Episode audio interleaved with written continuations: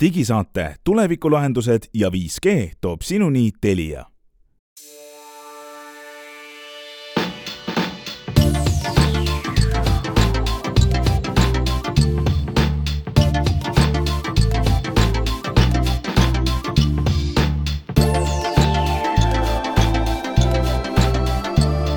tere, head kuulajad, kahekümne kolmas jaanuar aastal kaks tuhat kakskümmend kolm.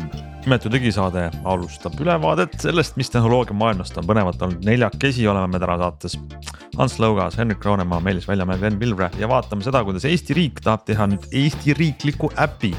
mobiiliäpp M-riik Äh, võiks äh, tuua midagi uut Eesti e-riigi mobiililahendustesse. Apple samal ajal tõi välja uue seeria ülivõimsad protsessoreid ja arvuteid, kus need protsessorid töötavad ja üht-teist veel. Äh, mida Google plaanib oma nuti ja tervisevidinate Fitbiti brändiga, kas ta elab või sureb, räägime sellest ja siis veel kõrvaklappidest ja võib-olla mõnest kellastki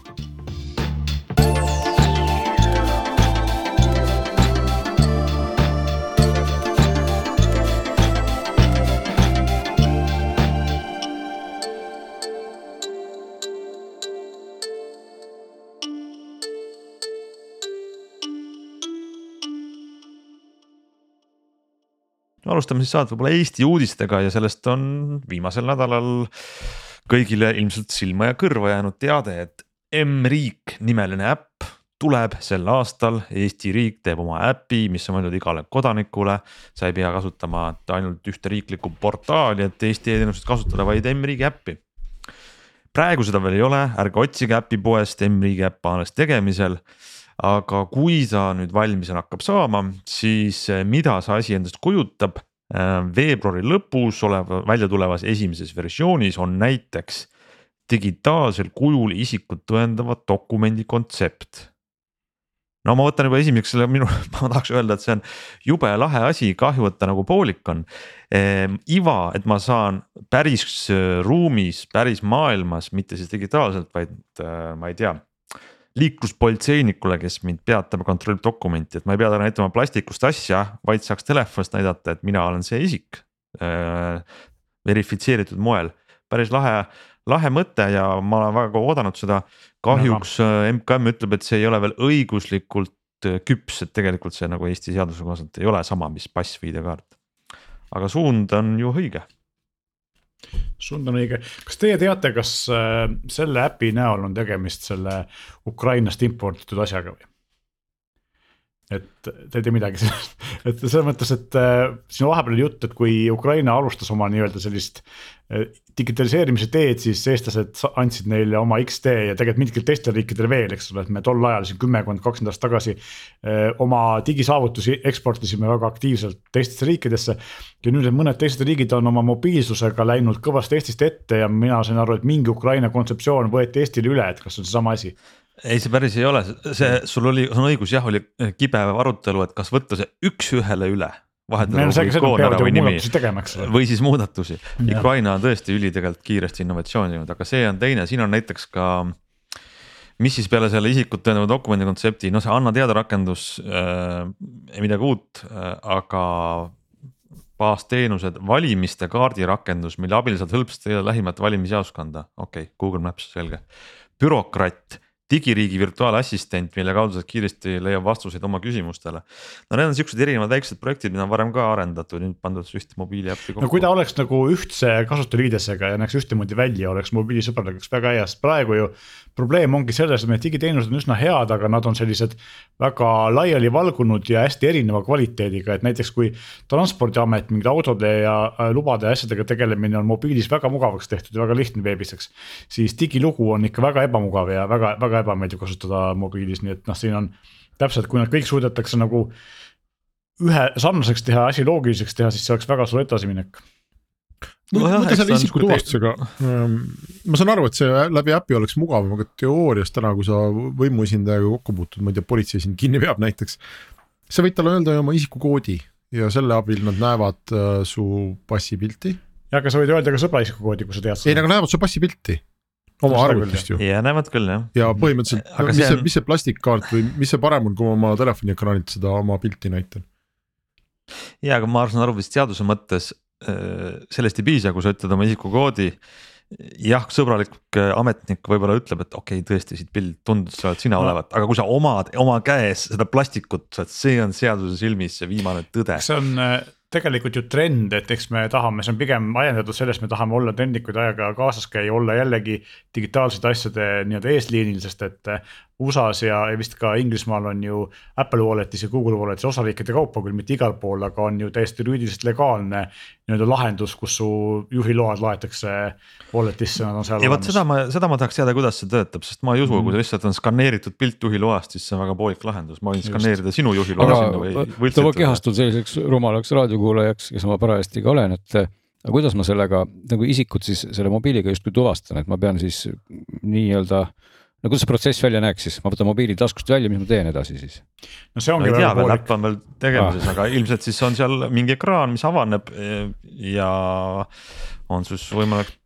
mina kujutan ette, et mingid seda. ekraanipildid olid, et vist sa saad kuidagi näidata seda, iva peaks olema, et seal on digitaalne protsess taga, et teine pool, kes seda kontrollib dokumenti saab Just. vaadata, et see, mida sa näitad ekraanilt, on siis kas mõni unikaalse mm -hmm. signatuuriga või kuidagi just mulle... praegu selleks kontrolliks nagu tehtud no,. No, mulle tuli kohe pähe, pähe see koroona äpp, eks ole, et samamoodi saab seda teha, eks ole, sa lihtsalt mingi QR koodi või asjaga ta siis valideerib, on ju, aga ühesõnaga, mina peaks ikkagi ennast sealt kuidagipidi valideerima, et aru saada ka, et, et mina olen mina, eks ole, et ma ei võta kellegi sõbra mobiiltelefoni no loomulikult või et, et. no sinu pilt on seal nagunii näha, eks ole, siis mm -hmm. vaadatakse, kas nägu ja pilt on samad ja, aga samas mm -hmm. noh, peab ka olema mingisugune et kas see dokument on tegelikult kehtiv või see pilt on joonistatud. sest noh, et iseenesest ju see nagu, nagu probleem kui selline on ju mõnes mõttes olemas, et kui Eestis on ju, me oleme ju ka väga, väga, väga edumeelselt selline IT-riik selle koha pealt, et me ei pea oma plastikasju üldse ju kaasas kandma, et kui me räägime mingist juhilubadest ja neid no, asju. ühte plastikassi ikka peame no ei no just, et see on see koht, et, et, et kui mul on kõik asjad maha jäänud, on ju, et mis ja, siis saab, eks ole, et,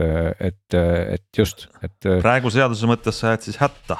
sa võid isegi ega... äh, ametniku, politseiametniku silme all logida sisse oma isikukoodiga mm -hmm. Eesti e-portaali on ju, kus ta näeb, mhm. et see on ju sina mhm. seal mm, -hmm. aga see seaduse mõttes ei ole nii, et. sest tuleb tunnistada, et ka on ka minul need kaardid väga tihti kõik kodus, mille, mille, mille taskus või mille seas on siis on ka ID-kaart ja, ja juhiluba, eks ole, sest et maksta saad ju telefoni, kõiki asju saad teha telefoniga.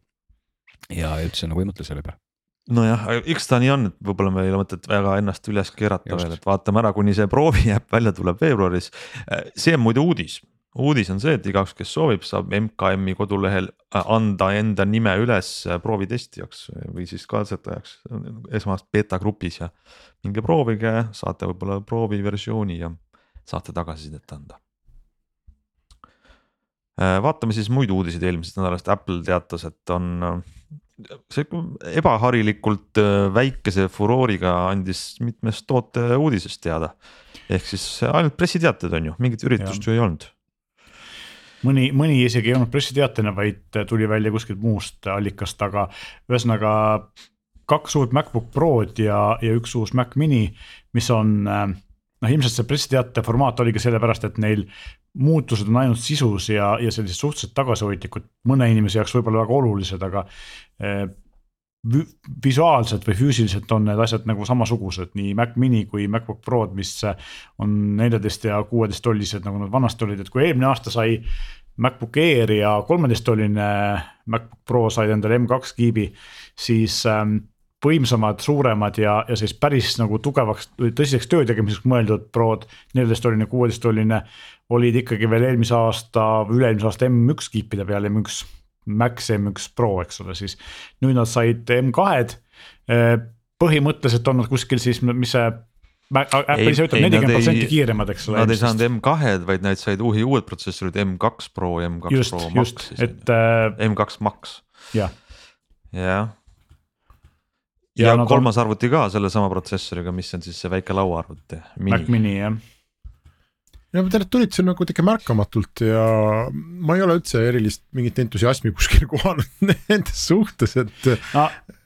tegemist miks, on miks? ju sirgelt nišitoodetega, ehk siis äh, enamus no. inimesi, kes ikkagi Maci tahavad, need ostavad endale Airi ja Pro mõte on siis ikkagi see, et kui sa tahad teha nagu, teedki sellist tööd, mis äh, liikumise pealt sa töötad videot, sa kompileerid mingisugust koodi ja sul on vaja, et selle, see asi oleks mobiilne ja sa tahad seda teha nii-öelda noh, võib-olla isegi mitte mobiilne, sest ikkagi see äh, M2 Maxiga MacBook Pro on väga meeletult võimas tööjaam, eks ole, et. kui see ja nad on meeletult kallid arvutid, nad algavad seal kuskil kahest poolest tuhandest ja lähevad sinna vist kuue-seitsme tuhandeni välja, kui sa nagu Max Confi võtad üheksakümmend kuus giga RAM-i ja. Ja, ja nii edasi, siis äh, kaks tera äh, SSD-d. siis tegelikult on ju see, et, et see ongi põhimõtteliselt see, see väike nišš inimesi, kes sellega teevad tööd niimoodi, et kui see nelikümmend protsenti kiirem võimsus võimaldab sul seda videot renderdada või koodi kompileerida nelikümmend protsenti kiiremini. ehk sa saad omale kolmandiku võrra rohkem kliente sama aja sees ära mahutada ja rohkem raha teenida, siis see, see investeering tasub sul päris kiiresti ära, eks ole. kui sa ostad selle Delfis käimiseks siis noh, tõenäoliselt ei tasu mitte kunagi ära mitte mingi nipiga. Delfis käimiseks muide ma tahtsin siin Apple'ile, Apple'ile meelde tuletada, et mina ikkagi arvestan, sõbrad, et kevadel ehk märtsikuus ehk äh, siin kuu-paari jooksul tuleb viieteisttonnine MacBook Air, et neid Prosid te võite seal välja lasta nagu Vändrast saelaudu, aga aga minu, minu paar tuhat eurot on ootel, sest viieteisttonnine Air oleks täpselt see arvuti, mis on täpselt minu jaoks tehtud. tahaksid kergemat ja ilma ventilaatorita, aga suurema ekraaniga asja. jah põhimõtteliselt ma tahakski MacBook Airi ja aku peab mhm. igavesti vastu ja ta on selline õhuke ja. Äh, sest tegelikult need Prod on äh, ka neljateisttonnine Pro oleks muidu tore masin, aga ta on ikkagi tunduvalt paksem ja, ja ikkagi ka märkimisväärselt raskem kui Air mm. -hmm. ta on selline pontsakas ja, ja muidugi ta on võimas, aga no mis ma teen selle võimsusega, mul ei ole seda eriti vaja aga ja... kas me peaks rääkima, ma nüüd kohe segan vahele, aitab arvuti jutust, et HomePod kaks on palju huvitavam. vot, vot ma just tahtsin ka öelda. ma parajasti loen selle kohta, kui äge helisid peaks välja tulema ja juba mõtlen, et äkki tulebki heli tuleb samasugune üsna nagu eelmisel. no ei tea, no ole nüüd, heli tuleb ikkagi palju parem, sest siin sees on esiteks mingisugune mikrofon, mis reaalajas bassi karakteristikut muudab, siis on siin viis value add'it, mis siis kõik suudavad. kuule, vanal oli seitse. eelmisel oli seitse jah ja. no,. ehk siis tegelikult on. midagi ära võtnud sealt ikka. tegelikult andmete poolest on ta nõrgem. uus, uus kiibistik on, mis nad, ühesõnaga nad peaks ikkagi kokkuvõttes peaks ta suutma oma seda Apple'i special audio nii-öelda tulemust kuidagi ühest kõlarist väga hästi tekitama, nagu siin lubatakse vähemalt, ega, aga jah, niimoodi muidugi ei tea, aga no lisaks ma saan aru, et siin on ka mingeid andureid, ma küll lausa lugesin välja, et siin sees on ka suitsuandur, tegelikult ikkagi ei ole, see on nagu. ei, ta kuulab komplekt. mikrofoni, kui su suitsuandur karjuma hakkab, siis ta ja. saadab sulle selle kohta info. aga küll, aga ma saan aru, et temperatuur ja niiskus äkki on siis jah et jah, et ka tegelikult tuli välja, et ka siis äh, HomePod minil, mis on jupp aega müügil olnud, mis on kodav -hmm. pisike kõlar. on tegelikult kogu aeg olnud sees temperatuuri ja niiskuse andurid ja need olid lihtsalt välja lülitatud, nüüd lülitati sisse ja noh, mina näen mõlema asja puhul, miks nad nüüd välja andis, tegelikult poolteist aastat on möödas sellest, kui see eelmise põlvkonna äh, HomePod suur äh, siis turult ära võeti, ehk siis tema eluiga ära lõppes.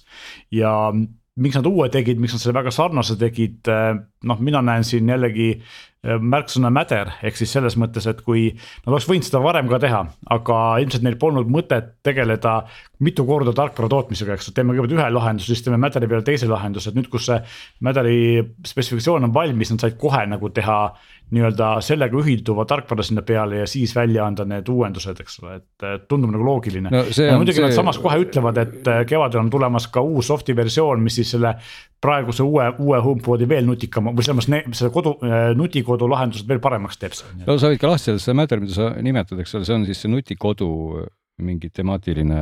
jah, see on nagu see tarkvara, eks ole. asi, mis peaks maagiliselt kõigi erinevate tootjate seadmeid omavahel rääkima mm -hmm. panema just. aga ma tegelikult ei saa ikkagi aru, et miks see vana HomePodi nagu tooteliin kinni pandi.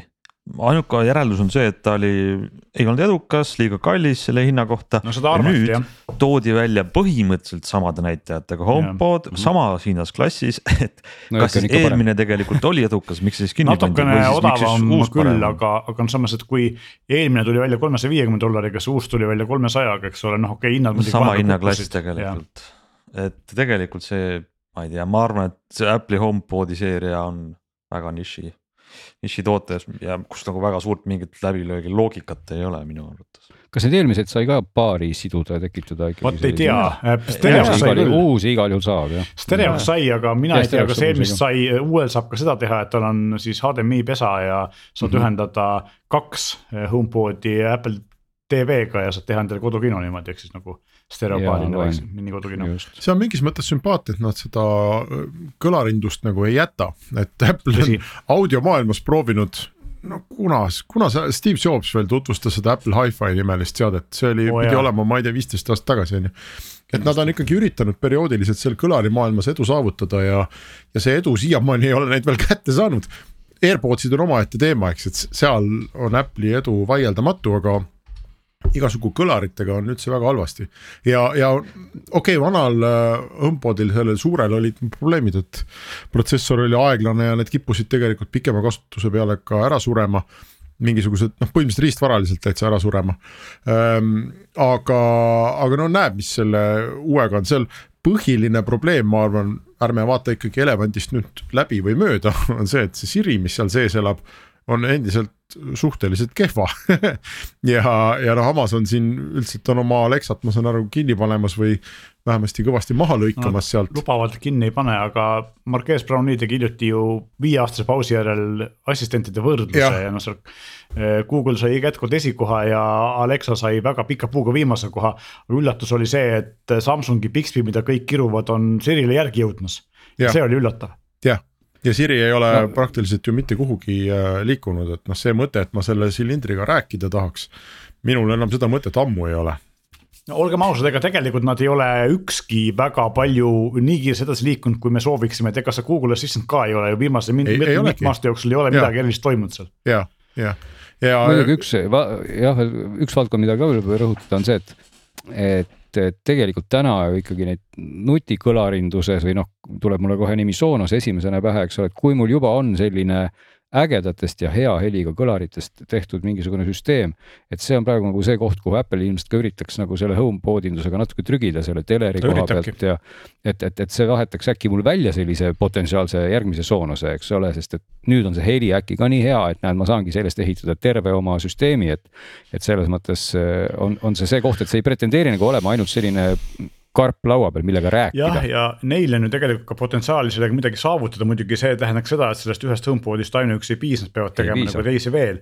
aga siin ongi see, et noh, Sonosele konkurentsi tegelikult kõik üritavad pakkuda, kellelgi väga hästi ei, õnnestu. ei õnnestu Google absoluutselt. teeb, eks ole, Amazon teeb lisaks mm -hmm. tavalisele Ecole ka seda Eco stuudiot, mis on nagu sihuke hiifi moodi asi. no ei ole väga edukas ja tegelikult teevad kõik nii-öelda klassikalised eh, helitootjad ju.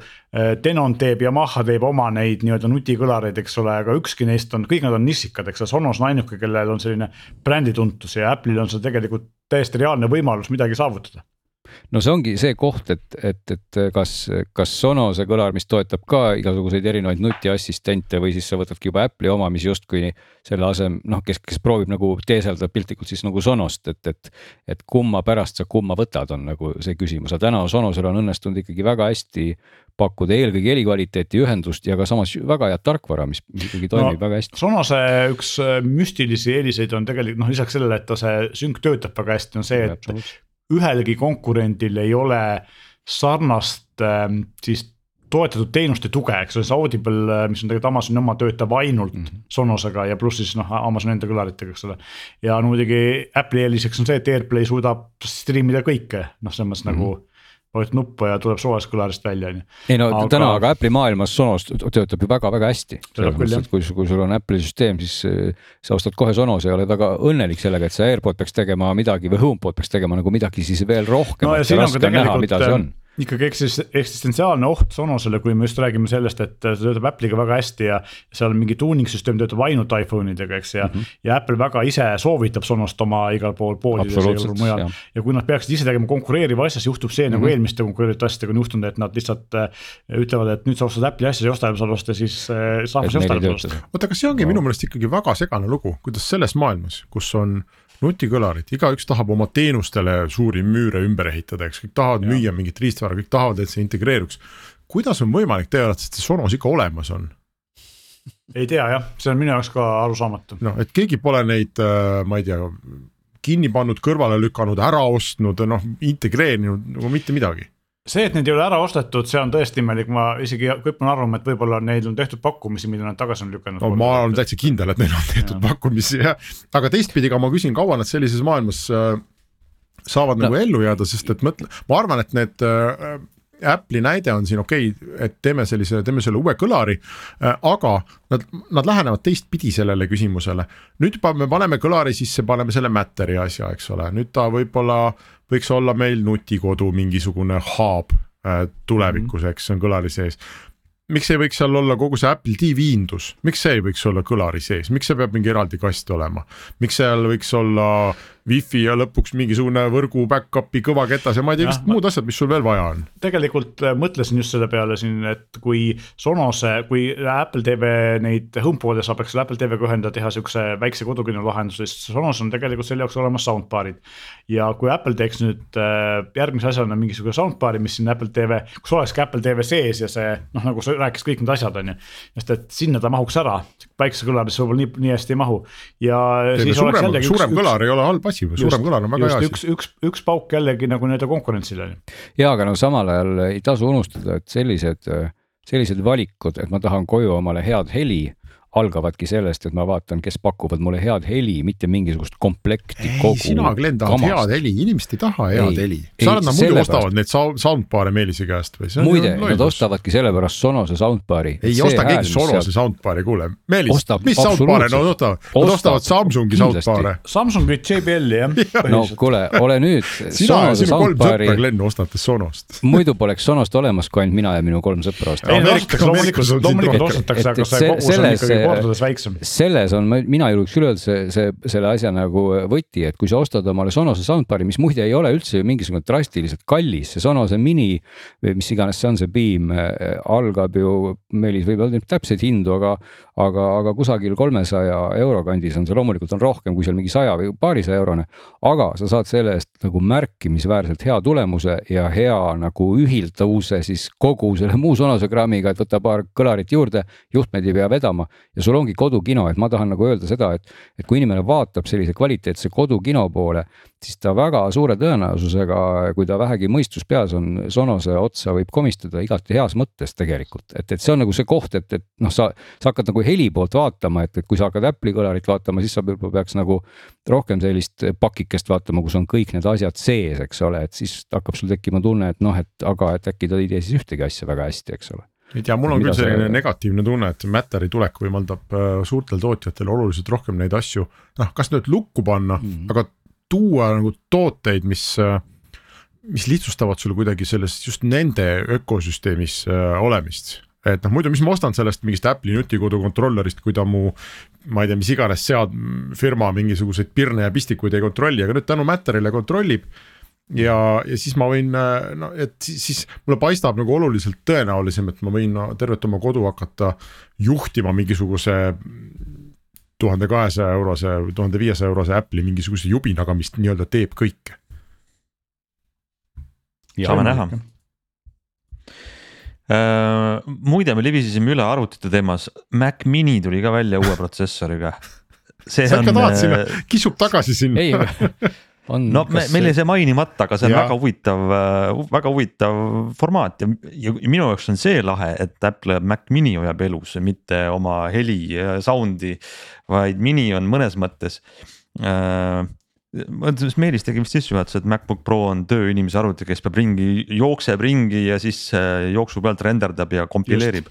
tegelikult noh, normaalne inimene istub laua taga, kasutab klaviatuuri ja monitori välist ja see Mac mini on nüüd selle, sellise. ta paneb selle MacBook Pro omale dokki. jah sest et see on palju võimsam, see on palju võimsam kui see mini, sest minil on ikkagi sama protsessor, mis on Airil, eks. no mini on, mini ei on ole, see ongi iva, see ei ole, Mac mini on M2 Proga. ei, nüüd on siis, nüüd on, enne ei olnud. see ongi see uus Mac mini ja, ja selles mõttes see on seesama äh, spec, mis on sellel MacBook Prol nüüd, aga hinnavahe on tuhat nelisada dollarit odavam et sa kaotad selle kaasavõtmise võimaluse, on ju, sa ei saa teda laua pealt kaasa haarata, akut ei ole ja ekraani küljes nii et ta on sihuke soodus. Äh, oota, aga Ants nüüd väike raadiokuulaja on segaduses, Apple'il on ka selline arvuti nagu äh, Mac Studio.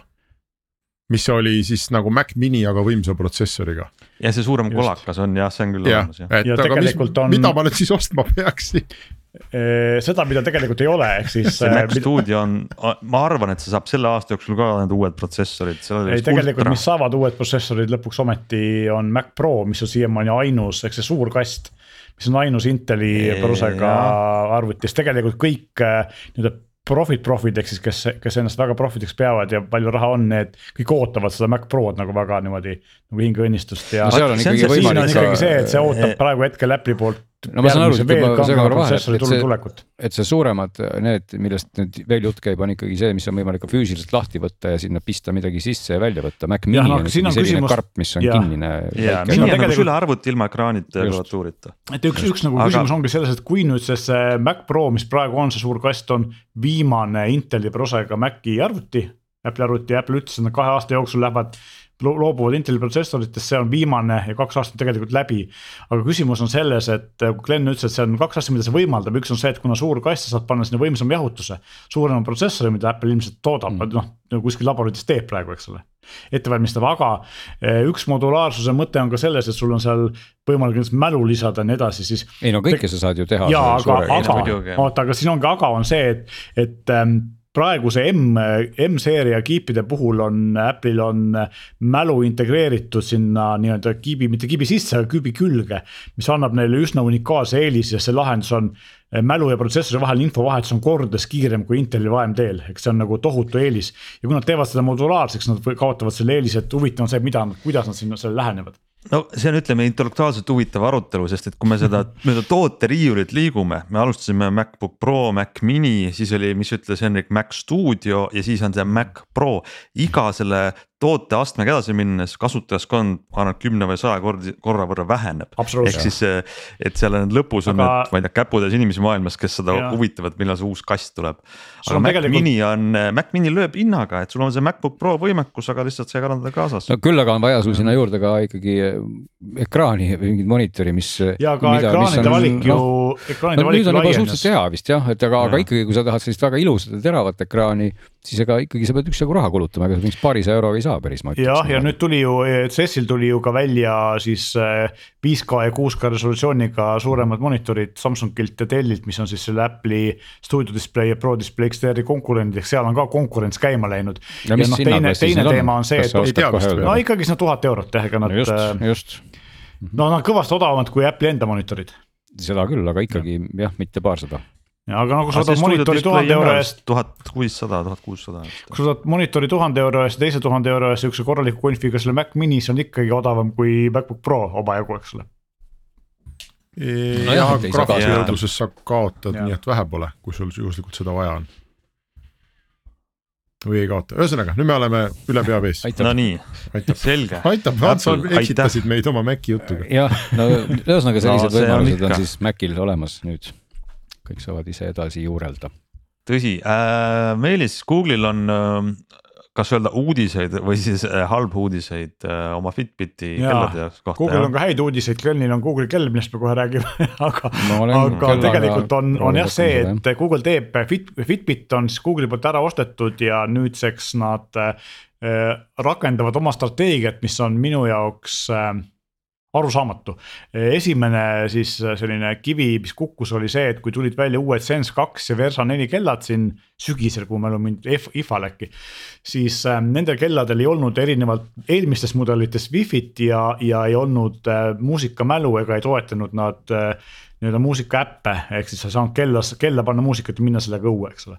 ja mõni aeg tagasi, siin aasta lõpus nad ütlesid, et nendelt samadelt Versadelt ja, ja Sensilt kaob ära, eelmise aasta mudelitelt siis kaob ära eh, ise allalaetud MP3-le tugi, eks sa ei saa enam ühendada arvutiga kella ja panna sinna muusikat peale ja kuulata. ja siis nüüd eh, eile nad teatasid seda, et kolmekümne esimesest märtsist kaob ära ka Pandora ja Deezeri tugi, ehk siis sa ei saa ka oma playlist'e alla laadida oma tasuliste teenuste, mida sa kasutad ja kuulata. ehk siis põhimõtteliselt muusika tugi kaob, igasugune kaob Fitbiti kelladelt ära. ja see on nagu tegelikult selles mõttes halb, et mina tean inimesi, kes spetsiaalselt sellepärast on ostnud endale Fitbit just Versa kahe või kolme, et oli odav odav GPS-iga kell, millega sai ka makseid teha ja mis toetas muusikat, ehk sa panid oma diiselis playlist'i peale, läksid telefoni koju, läksid hommikul oma jooksuringile. ja kui tuli janu, siis läksid bensukast läbi, ostsid sellesama kellaga vett ka, eks ole, et. et noh, tegelikult sihuke hea odav GPS-iga kell, millega oli hea jooksutrenni teha ja samal ajal muusikat kuulata ja see on nüüd kadunud. mis on Google'is eesmärk, kas nad tahavad teha Fitbitis sellist nii-öelda rumala sammulugeja või aktiivsusmonitori brändi või siis üldse Fitbiti brändi nagu ära lõpetada ja teha sellest tarkvara pool oma pikslikelladel, et see on nagu. see, mis, mis küsimus mul tekib, et Hendrik, sina oled Fitbiti kasutanud, mis mõtted sul on? ja ei, mul on küsimus, et kas üldse muusika tugi kaob ära või ma ei tea, Spotify või see Google'i enda muusikateenus. Spotify'd ei ole neil kunagi olnud. okei okay,, aga Youtube'i või Google'i enda muusikateenust. ei ole ka olnud, aga nüüd üks, üks nagu võimalus ongi see, et äkki tuleb sinna Youtube Music asemele oota, aga Versa kaks Spotify'ga, Versa kaks Spotify reklaami. ta, ta juhib Spotify'd, kui sul on telefon kaasas, nagu iga teine mm. kell Ja. aga ta ei tõmba playlist'i alla, Karminil on see tugi olemas ja VROS-i kelladel ehk siis Samsung kelladel ja ka minu teada äh, Apple Watchil on ka Spotify nüüd offline tugi olemas no minu, ma, minu meelest me rääkisime siin kunagi mingisugusest Google'i uuest kellast, äh, mis, mis iganes see eelmine oli, mida nad välja, oligi Pixel Watch äkki või? ma arvan, see ongi seesama, mida ma nüüd tohutu mingi segadus, et kas see on Fitbit või see on Pixel või mis seal vahet Just. on või siis oli see Google'i kell, kus olid Fitbiti teenused sees, aga sa pidid nende eest juurde maksma iga kuu või. no täiesti mingi ajuvaba olukord, et las nad siis mõtlevad selle üle. ma arvan no,, et lihtsam sama... lahendus tarbijal on, no me jõuame varsti sellele, aga miks peaks ostma, et kellade turul ei ole konkurentsi vähesust mm. -hmm. no ühesõnaga seesama kell, milleni me ringiga välja jõudsime, ongi seesama Google Pixel Watch tegelikult, mis, mis kogu selle jutu valguses lihtsalt tekitab ühe küsimärgi juurde, et kas, kas Google tahabki lükata nagu need äh, Fitbitid justkui buldooseriga kokku nüüd selle Watch seeria sisse ja olgugi, et hinnaklass on hoopis teine, sest see Pixel Watch, mis on küll väga nunnu ja tore, on ikkagi üle neljasaja euro ja, ja sealjuures noh, paratamatult tekib võrdlusmoment igasuguste teiste kelladega ka, mis, mis siis on nagu võib-olla mõnes mõttes äh, ägedamad, et kui ma nüüd võrdlen seda ilmselt Fitbitiga, mul ei olnud otsest võrdlusmomenti, siis on see tõenäoliselt ägedam see Pixel Watch, aga, aga kui nüüd võrrelda siin konkureerivate nutikelladega, siis hakkab tekkima kohe nagu küsimusi, et muidugi see nii-öelda use case või kasutusmuster, millest Meelis kogu aeg rääkis, et inimesed lähevad ilma kellata jooksma. et see on ka ilmselt see, see koht, kus, kus võib-olla täpselt sama palju inimesi, kui seda teeks, on ka neid inimesi, kes seda ei tee, et eks igalühel on mingi. nojah, võib-olla tõesti, et ma, ma tahtsin nagu seda öelda, et, et selle kella puhul ka ma olen seda nüüd katsetanud siin mingid nädalad, proovisin sellega hakkama saada ja, ja tegelikult sain väga hästi aru, et et see, mida võib-olla siin räägin mina või keegi kolmas või teine inimene, on igal juhul nii kuradi personaalne, ehk et kui mina tahan sellest kellast mingit ühte asja ja see üks asi juhtumisi on hea, siis ma kiidan seda kella kindlasti taevani. ja kui see kell ei tee seda ühte asja, mida mina juhtumisi tahan, siis ma ütlen, et see on maailma kõige mõttetum kell see ongi et... testi ja raske amet, eks ju, kliendina sul on väga lihtne, vaatad nii, teeb seda, ei tee, okei okay,, ostan just, järgmise. just, ja see et... oligi nende Fitbiti kellade ju eeliseks, et see Versa kolm maksab sada viiskümmend eurot. aku kestab nädal aega, tal on GPS peal ja mm, -hmm. ja noh, kõik need muud asjad, eks ole, ta oli väga hea hinnaga ja noh, siin teisi konkurente on ka, et samamoodi selle, kui me räägime Pixlist, mis, mille aku kestab vähem, see maksab ka vist nelisada eurot, eks ole, ja. üle neljasaja maksab. ja Samsungi kellad sarnased, mis kestavad samamoodi samasuguse soft'iga ja kestavad sama vähe akuga, maksavad kakssada eurot, eks ole, nii et no ühesõnaga siin selle kella nii-öelda praktilist kasutuskogemust, mida ma siis võiksin nagu öelda et eh, mis on kindlasti selle Pixeli plussid, et ma ei tahaks kuidagi võtta mingit toodet ja ainult öelda, et see on mingi täiesti mõttetu. plussid on kindlasti see, et on väga niisuguse nunnu välimusega, ta on väike, kellele meeldib väike kell ja ta on väga sellise noh, ehituskvaliteedilt on ta kuidagi väga hea, et see tagant on ta sihuke ühtlaselt ümmargune, siin ei ole mingeid siukseid servasid, mis sul jäävad kuskile käe, käe vahele, ta on väga mõnus käe peal teda kanda et see kõik on hea, aga teistpidi, kui sa oled harjunud nagu natuke suurema kellaga, siis ta on ikka niisugune pisitillukene, et kui sa vaatad siin Samsungi ja Huawei kellasid, siis ta on pigem ikkagi noh, ta on nagu nendest mingi miniatuursem versioon. olgu, et see ekraan on siin tore ja, ja tarkvara poole pealt muidugi, kui sul on Google Pixel telefon täna ja sulle Google'i asjad väga meeldivad, siis kõik see pool tegelikult siin töötab väga-väga äh, ludinal ja väga kihvtilt, et, et kõik Youtube Music'ud ja kõik asjad on siin sees, loomulikult saad maksta kellaga ja kõiki neid asju teha, eks ole. aga, aga kui me jõuame selle aku vastupidavuseni, siis see on muidugi nalja, naljakoht ikkagi täiega, sest et see see kella kasutusmuster on selline, et sa põhimõtteliselt peaks selle igal öösel panema laadima, et õhtuks on tal järgi umbes paarkümmend protsenti. ja, ja muidugi see kell suudab ka sinu und siis track ida, kui sa ikkagi tahad oma und track ida, aga noh, selge on see, et umbes kell, oleneb, mis kell sa magama lähed, aga no kui sa näiteks lähed kell kaksteist magama, siis ilmselt kella neljaks on see kell une track imise lõpetanud, sest tal sai aku tühjaks ehk et tegelikult nagu, nagu selleks, et siis et oma und track ida, peaks seda juba päeval laadima ja see kõik tundub nagu sihuke niivõrd kohmakas ja see automaatne une või sinu siis arusaamine, et kas sa siis päriselt magad või mitte, mida noh, mul on pikem kogemus siin Huawei kelladega, mida nad teevad nagu, nagu teevad nii märkamatult hästi, et isegi kui sa viskad päeval pikali ja teed mingi uinaku, siis kell on võimeline kohe aru saama, näed, et sa puhkasid kokku nii palju ja nüüd kokku on siis selline lugu.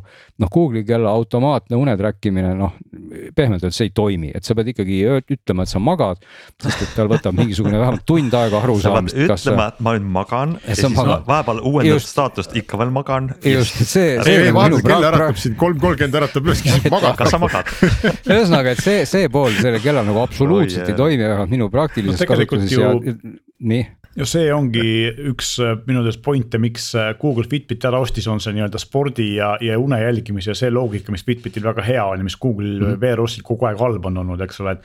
ka Samsungi no. oma kelladel on see, kuigi nad läksid VROS-i peale üle, on selle ikkagi ise nullist ehitanud üles oma kelladele, sest Google'i oma ei olnud piisavalt hea.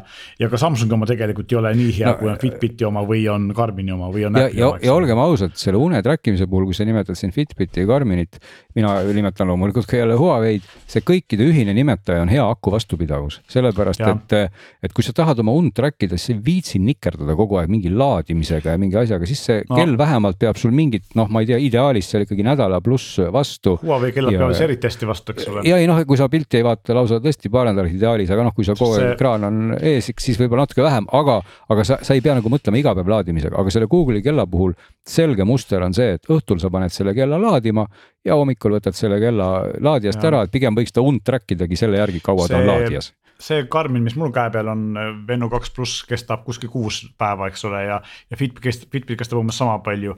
ja Garmin näiteks Phoenix seeria, mis on nagu kange spordikell päiksepatareiga versioonid, kestavad ka üle kahe nädala, eks ole, aga aga jah, need Samsungi kellad, Google'i kell ja, ja Apple'i, Apple Watch kestavad ju kõik nagu päeva, eks ole, ja tegelikult no, eks see põhi. no Apple kestab ikkagi rohkem, et, et see no, Google'i kell minu arust on kõige no, vähem jah. väiksema akuga kell. ei ole midagi, Samsungi, Samsungi lihtsamad kellad neljakümne millimeetrist peavad kõik üsna vähe, seal on väga väike aku sees no,. neljakümne okay. neljast peavad vähe rohkem ja siis see uus äh, Galaxy Buds Pro peab kolm-neli päeva.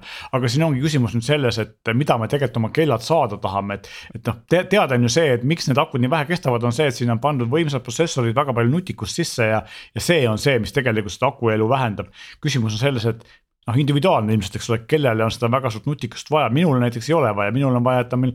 ma ei teavitusi näiteks ja, ja maksta saaks, oleks ka tore ja võib-olla ka siis see, eks ole, et, et ta siis äh, hästi mingi spordiasju teeks, mida viimasel ajal suht vähe teeb. ma arvan ka. aga, aga samas noh, Apple Watch on ju nagu väga tark ja, ja kui palju neid asju vaja on, et tegelikult teistel Androidi maailmas nagu päris nii nutikad kelle vist nagu eriti ei olegi ja, ja ma arvan aga... ka, ma arvan, Google on ka leidnud välja, millises segmendis me konkureerime ja läheksid sinna, kus on Apple Watch praegu.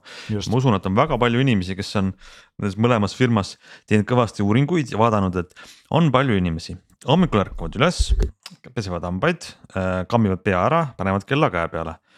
Ja ülikonna selga või, või viisakamad riided, siis on neil sihuke kell, mis äh, piiksub, viliseb või noh, ütleme, teeb väga peeneid asju, on ilus ja siis nad tulevad õhtul koju, äh, viskavad ülikonna maha, võtavad kella käe ära, panevad laadima. Ja selles kasutusrütmis on need Apple Watch ja see Google Pixel on, Pixeli kell on siis noh. ja siis sa tahad siis öelda, et panevad õhtul kella laadima, siis ennem kui nad nüüd voodisse supsavad, panevad kella uuesti tagasi käe peale. ma saan siis nii aru, et see on see muster või?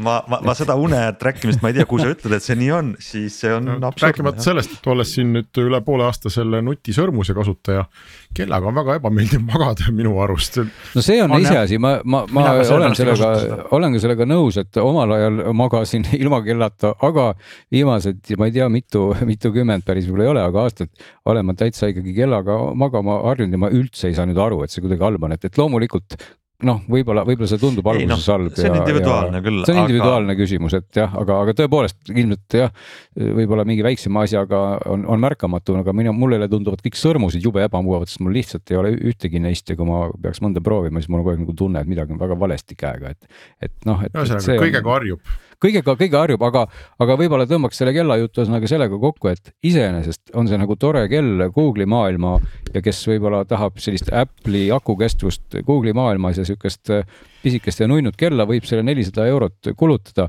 aga kui sa jah, võrdled seda siin mingite selliste konkurentidega, kelle nimesid me siin juba korduvalt nimetasime, siis, siis jääb ikkagi väga suur küsimärk õhku, et, et kuhu, kes see, kes on see kasutaja, kuhu Apple või see Google oma sihiku on praegu keeranud, eriti sellise raha eest ja ja et miks ma, miks ma peaks. muidu, kui me, me räägime sellest kui me räägime sellest kella suurusest, siis tegelikult siin on ka see, et Google'il on mõnes mõttes õigus teha väike kell, sest et äh, palju rohkem on neid inimesi, kes kurdavad, et kõik kellad on liiga suured, suured., kui neid, et kõik kellad on liiga väiksed.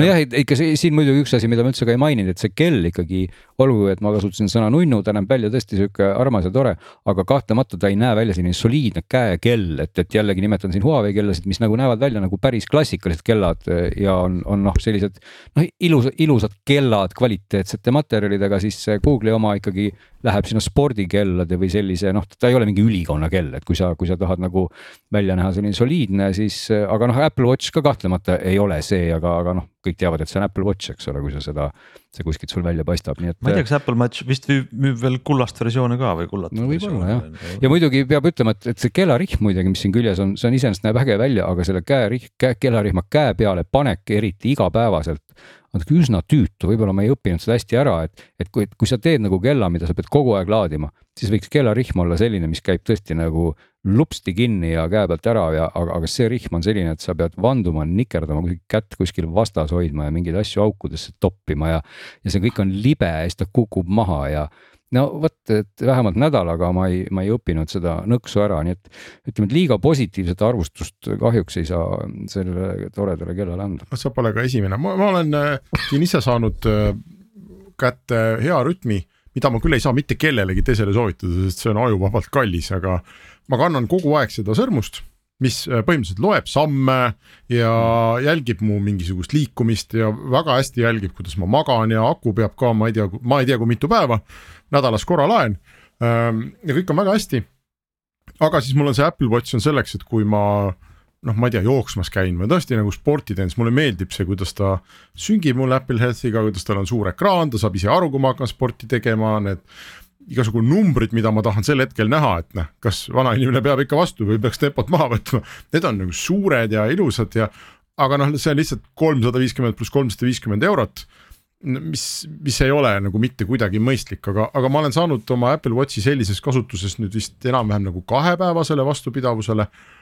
aga noh, see teine päev läheb juba nii, et liiga pikalt ei tasu väljas jooksmas käia, et, et vaeseke saab siis jälle tühjaks, aga aga ma olen jõudnud ka selle ajal arusaamisega, noh, ma nüüd kannan päeviti siis äh, seda Apple Watchi ja noh, nii, nii nagu siin juttu oli, õhtul ta siis laeb öökapil, sest ta on tühi või, või kohe saamas.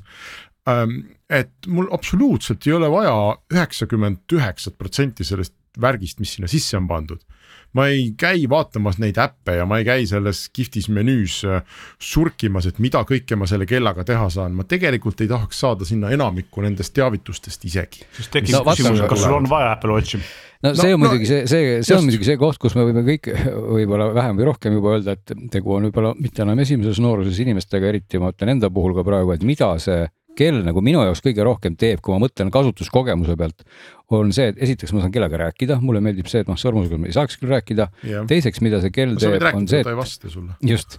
Eh, väga hästi ütleb mulle, kui ma olen telefoni maha jätnud, et, et eh, mul väga tihti juhtub seda, mul jääb telefon autosse, sest seal on juhtmevaba laadija ma hüppan autost välja ja kui ma kõnnin mingi paarkümmend meetrit ja ma saan aru, et kell teeb tõrk-tõrk ja nii tagasi auto mm. juurde kohe sipsti, et see on nagu väga hea omadus ja kolmas omadus, mille ma ära unustasin, on see, et ma saan oma telefoni otsida, et, et äh, ma teen seda väga tihti, sest et telefon on musta värvi ja kusagil vahel. Ja, ja ma lihtsalt ütlen, kus mu telefon on ja siis ta ka kisab mulle kuskilt vastu.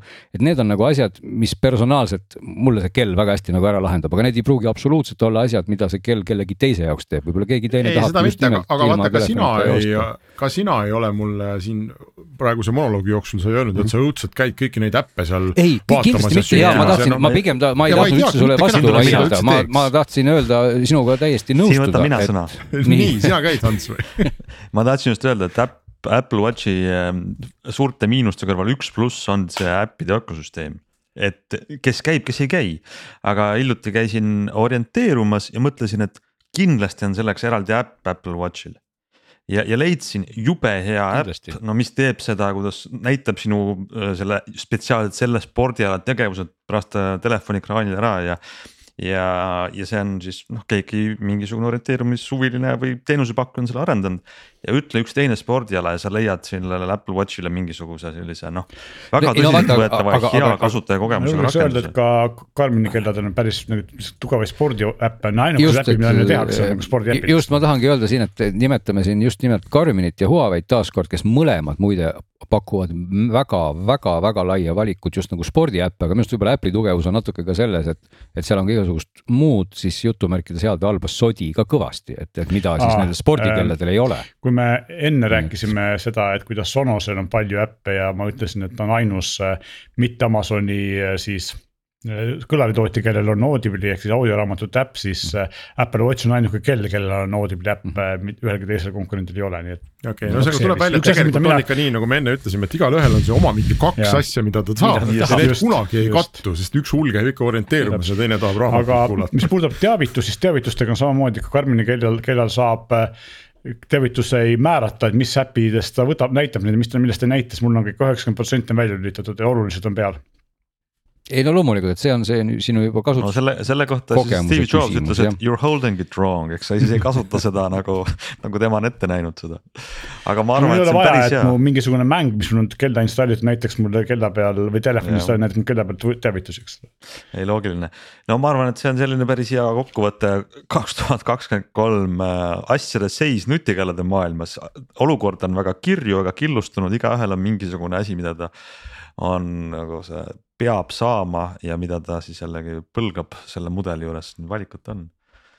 Um, ma ei tea, Glen, kas sul oli Google Pixeli kokkuvõte, palju see kell maksis, sa vist ütlesid ka kolmsada, nelisada või? nelisada kolmkümmend eurot, kännukas mm -hmm. on Eestis täna see koht, kus seda saab osta, kes siis Google'i kõigi, kõigi Pixeli ja nende asjadega tegeleb, et. aga ei, minu kokkuvõte oligi see, et ma täpselt nagu ei saa aru, et, et ma, ma ühesõnaga, ma ei leidnud seda ühte asja, miks ma tahaks seda kella osta.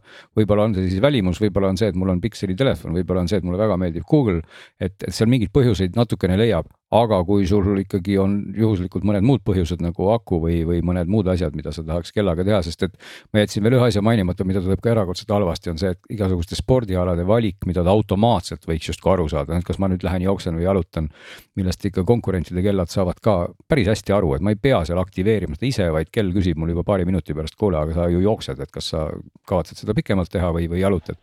seda ta ka absoluutselt hästi ei tee ja noh, rääkimata nendest spordialadest ma ei ole tõesti võib-olla Fitbiti ökosüsteemiga nii hästi kodus, et see võis minu, minu kodutöö olla tegemata, aga noh, igasugused mäesuusatamised ja muud siuksed asjad kuidagi.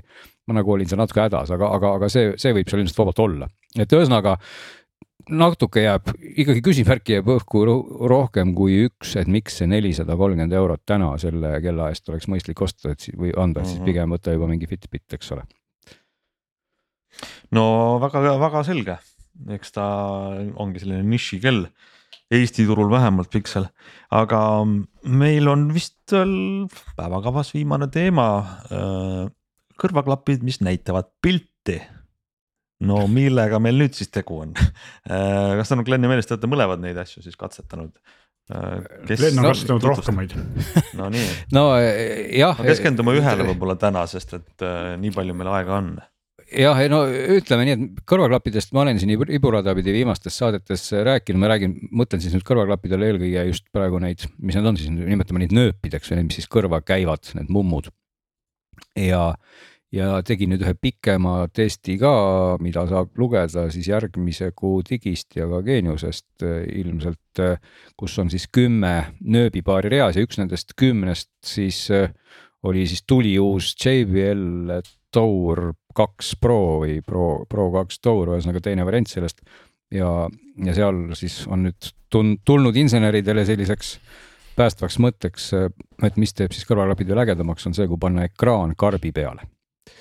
ja, ja noh, vot siis nii ongi, et seal on Oled ekraan umbes ühe koma mingi tolline ja, ja siis selle ekraani pealt saad sa põhimõtteliselt teha enamikke asju, mida sa saad siis teha ka äpiga küll tõsi, mitte päris siis noh, ekraaniliselt väiksem kui telefoni ekraan ilmselgelt.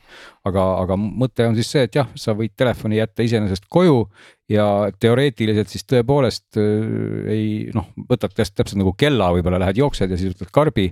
see oli vist üks koht, mida Meelis just mainis, et see, et see toimib, et saad siis sealt karbi ekraani pealt oma, oma klappe siis seadistada ja, ja, ja valida asju, mida sa võib-olla muidu ei saaks klapist endast teha, sest noh, võimalusi on seal, eks ole, rohkem et vot, nii, tahad sa Meelis kuidagi täiendada? ja tähendab, Hans, küsi, sa küsisid. ei, ma küsin, et siis iva on see, et ma lähen küll telefonist eemale, aga ma võtan selle topsiku kaasa või? just, no, no, no karp on sul ju alati kaasas, ega sa tegelikult ei jäta ju, ega sa ei tee ju nii, et sa paned karp paned klapid kõrva. kui sa lähed trenni maha. või, või kui sa lähed jooksma, siis sa ikkagi yeah, klapid ja karbid joonest võtad, paned taskusse telefoni kaasa. ja sealt ma siis hakkan, hakkan näiteks kruttima näiteks mida? no, no sa, sa võid sealt põhimõtteliselt kruttida kõike peaks, seal ekraane, ütleme, et seal on kolmteist, ma lugesin kokku, seal on kolmteist ekraani vaadet, mis Kus siis on. siis ei jõua trenni tehagi, ma ütleks. mina nägin neid alguses palju vähem, mis tähendab seda, et Glen vahepeal vist uuendas seda tarkvara, eks ole, ja.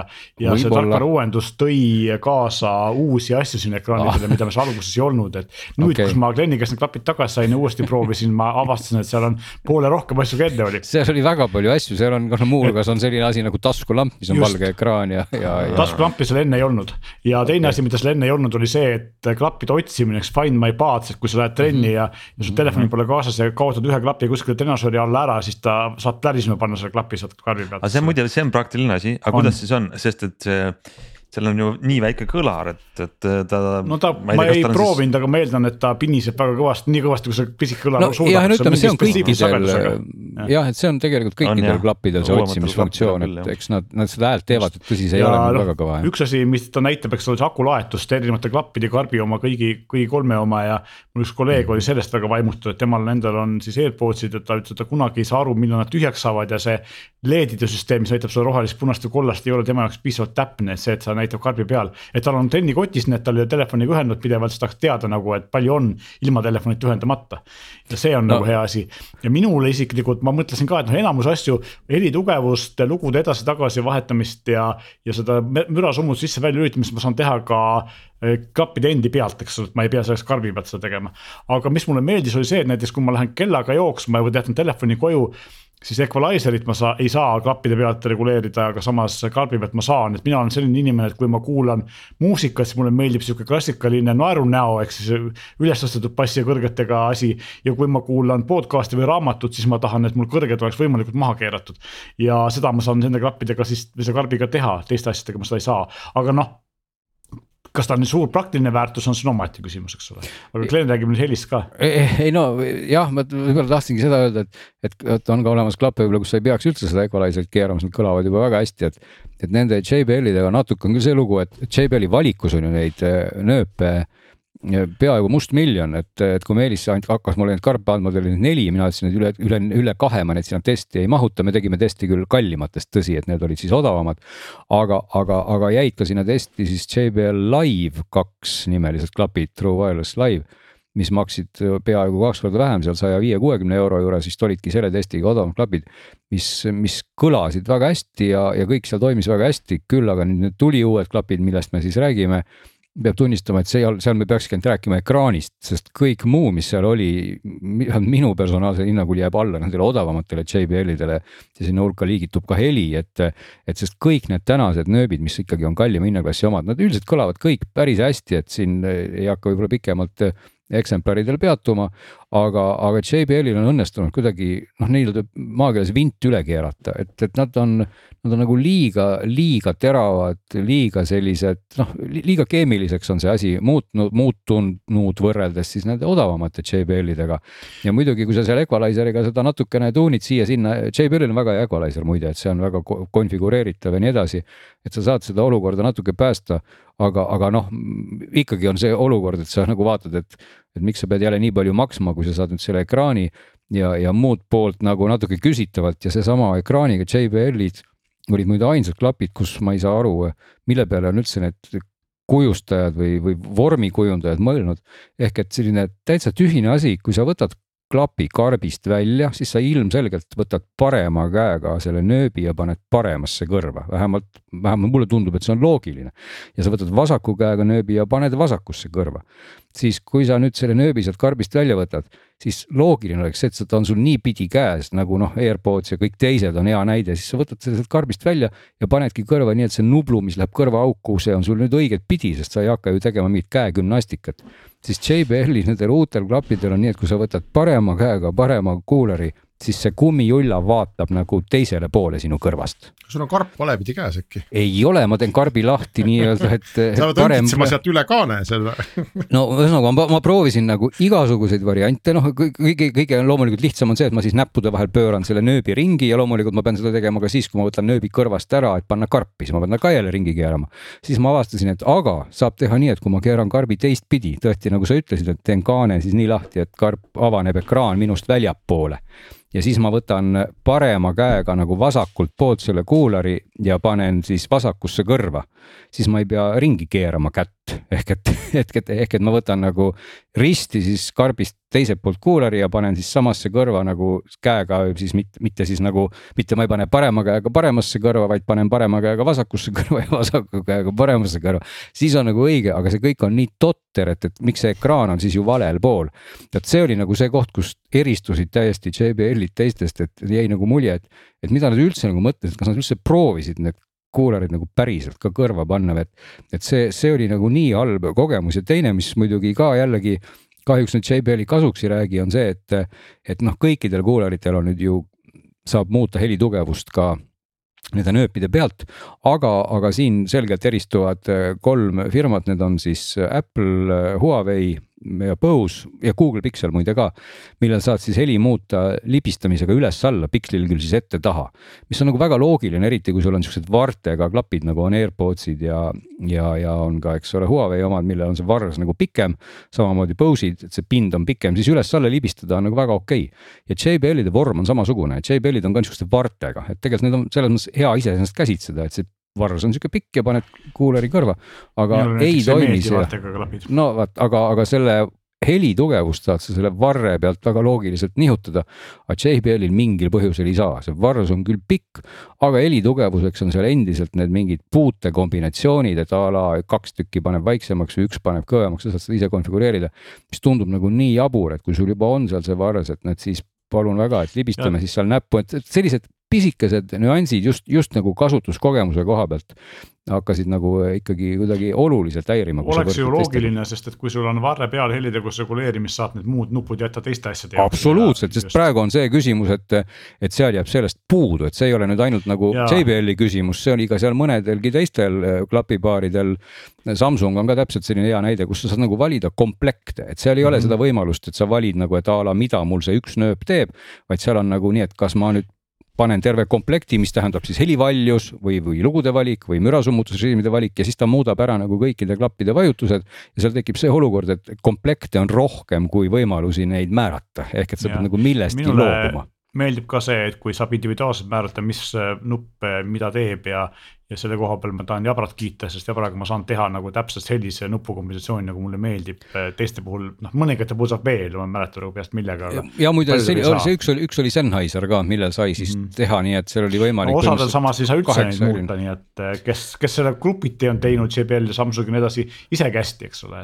tegelikult küll ma ütleks, nendel kümnel sai küll kõigil muuta, erandiks oli mõnes mõttes võib-olla Apple AirPods, millel said lihtsalt siis öelda jah, et mitme režiimi vahel see noh, aktiivse mürasummutuse nii-öelda valikud siis asja teevad, aga, aga peab ka ütlema, et nendel, mida sai vähem muuta ja see helivaljus on seal nihutamisega, see kõik on hästi loogiline, et. et ega võib-olla ei olegi vaja nii palju muuta, et, et, et noh, JBL oli nagu korraga hea ja halb näide selle koha pealt, et kui sa oma need asjad ära määrad ja kõik pähe õpid, siis võib-olla on võimalik üht koma teist teha, aga, aga see kõik oli nii nagu segane, et mis teeb mida, et, et, et noh, ütleme Jabra puhul, mis, mille poolest Jabra tänaseni eristub, on see, et, et kui kõik on puutepaneelid, siis Jabral on seal see vajutatav nupp, mis on mõnes mõttes nagu äge, et sa juhuslikult ei, ei vajuta, kui sa paned kõrva, eks ole. aga, aga kui me nüüd jah, jõuame ringiga siis nende ekraaniga klappide juurde tagasi või kuulerite juurde, siis siis ausalt öeldes äh, mina ütleks küll siia, et võib-olla Meelis, kes ise ka JBL-i ikkagi müüb, ütleks, ütleks niimoodi omavahel, et parem ostke need odavamad JBL-id ja teie elu on palju ilusam, et ei pea seda ekraaniga kuulareid müüma, et ma ei tea, kas sa nõustud sellega või mitte, aga. ja ma tegelikult võrdlesin neid ja ma ei oskagi öelda, kumma heli parem oli, sest et ma väga palju ei näppinud, mul väga palju ei olnud aega.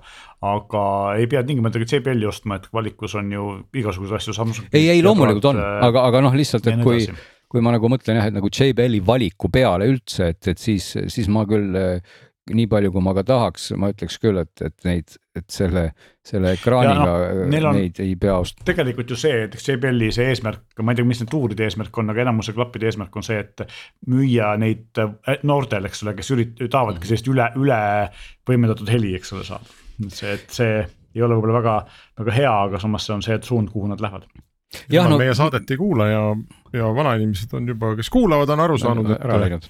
aitab küll jah, no me neid klappe ei osta, nii et ma arvan, me võime selle jutu siin sama targalt ka kokku tõmmata. jah, ütleks veel, et võib-olla ühe asja selle veel lõpuks, et mida, mida nad ka väga hästi ei tee, on, on aktiivne mürasummutus, aga, aga, aga noh, seda ei tee ka paljud teised nii hästi, kui teevad mõned teised, ehk et, et ütleme, kui ma sellest testist veel nagu tõmbaks sellise väikse kokkuvõtte, ilma et hakkaks nimesid nimetama esikoha mõttes, siis tegelikult kolm, kolm firmat ikkagi summutavad nagu müra nagu müstiliselt hästi. Ja need kolm olid siis Bose, Google ja Apple, et, et noh, kuidagi, kui, kui sa tõesti, kui sa neid klapid paned tänaval kõrva, siis võid, võid vaadata, et tänav on kusagile ära kadunud, et seal olid väikseid erisusi, millest saab siis juba omakorda lugeda pikemalt, aga kõik ülejäänud, ülejäänud seitse, muidu see, see odavam JBL oli ka päris hea, aga, aga, aga sealt edasi nagu oli juba see aktiivne mürasummutus vähemalt tagasihoidlikum, et, et eks ja, ja seda on üldse nagu ka veel üks aspekt, mida kiire, kiirelt võib-olla mainida, et, et väga oluline on see personaalselt, kui hästi need nööbid sulle kõrva sobivad, et, et on olemas sellised nööbid nagu needsamad posed, mis võib-olla ei ole üldse nii kõrvatundlikud, sa paned nad kõrva, nad kalibreerivad ennast siuhti ära ja kõlavad alati hästi. ja siis on paljud teised, mille puhul sa võidki jääda vanduma neid otsikuid vahetama ja proovima ja eksperimenteerima ja siis teeb see äpp sul seda personaalset heli kõrva kontrolli ja ütleb, et ei, palun, kõik see on halb, proovi uuesti. ja ikka seda heli ei tule et, et see, see on ka nagu koht reaalsuses, mida noh, ma ei teagi, kui inimene läheb neid üldse ostma, siis mingi võrdluse baasil on ka neid nagu raske osta, et. et võib-olla mõnele see otsik sobib väga ja mõnel teisel ta üldse ei, ei sobi, et mina nagu väga hindan neid klappe, mis on nagu selles mõttes. noh, ütleme jutumärkides ükskõiksemad, nagu on need posed, pane kõrva, alati on hästi ja, ja, ja ära, ära, ära pane korralikult, ikka kõlab hästi versus siis nikerdad ja nikerdad. vot ma ei teagi no, rohkem, mis ma tahtsin sellega nüüd öelda, aga midagi ma tahtsin siis öelda. no ülevaate JBL-dest saime ette vähemalt, kes siis äh, teab yeah. teadlikum otsust teha äh, ja, ja kes tahab sellest rohkem oli. teada, siis lugege seda pikemat juttu, seal, seal on siis ette ja taha veel kirjutatud asjadest, millest me kindlasti praegu ei rääkinud, eks ole. just, suured tänud rääkijatele, kuulajatele, oleme tagasi nädala pärast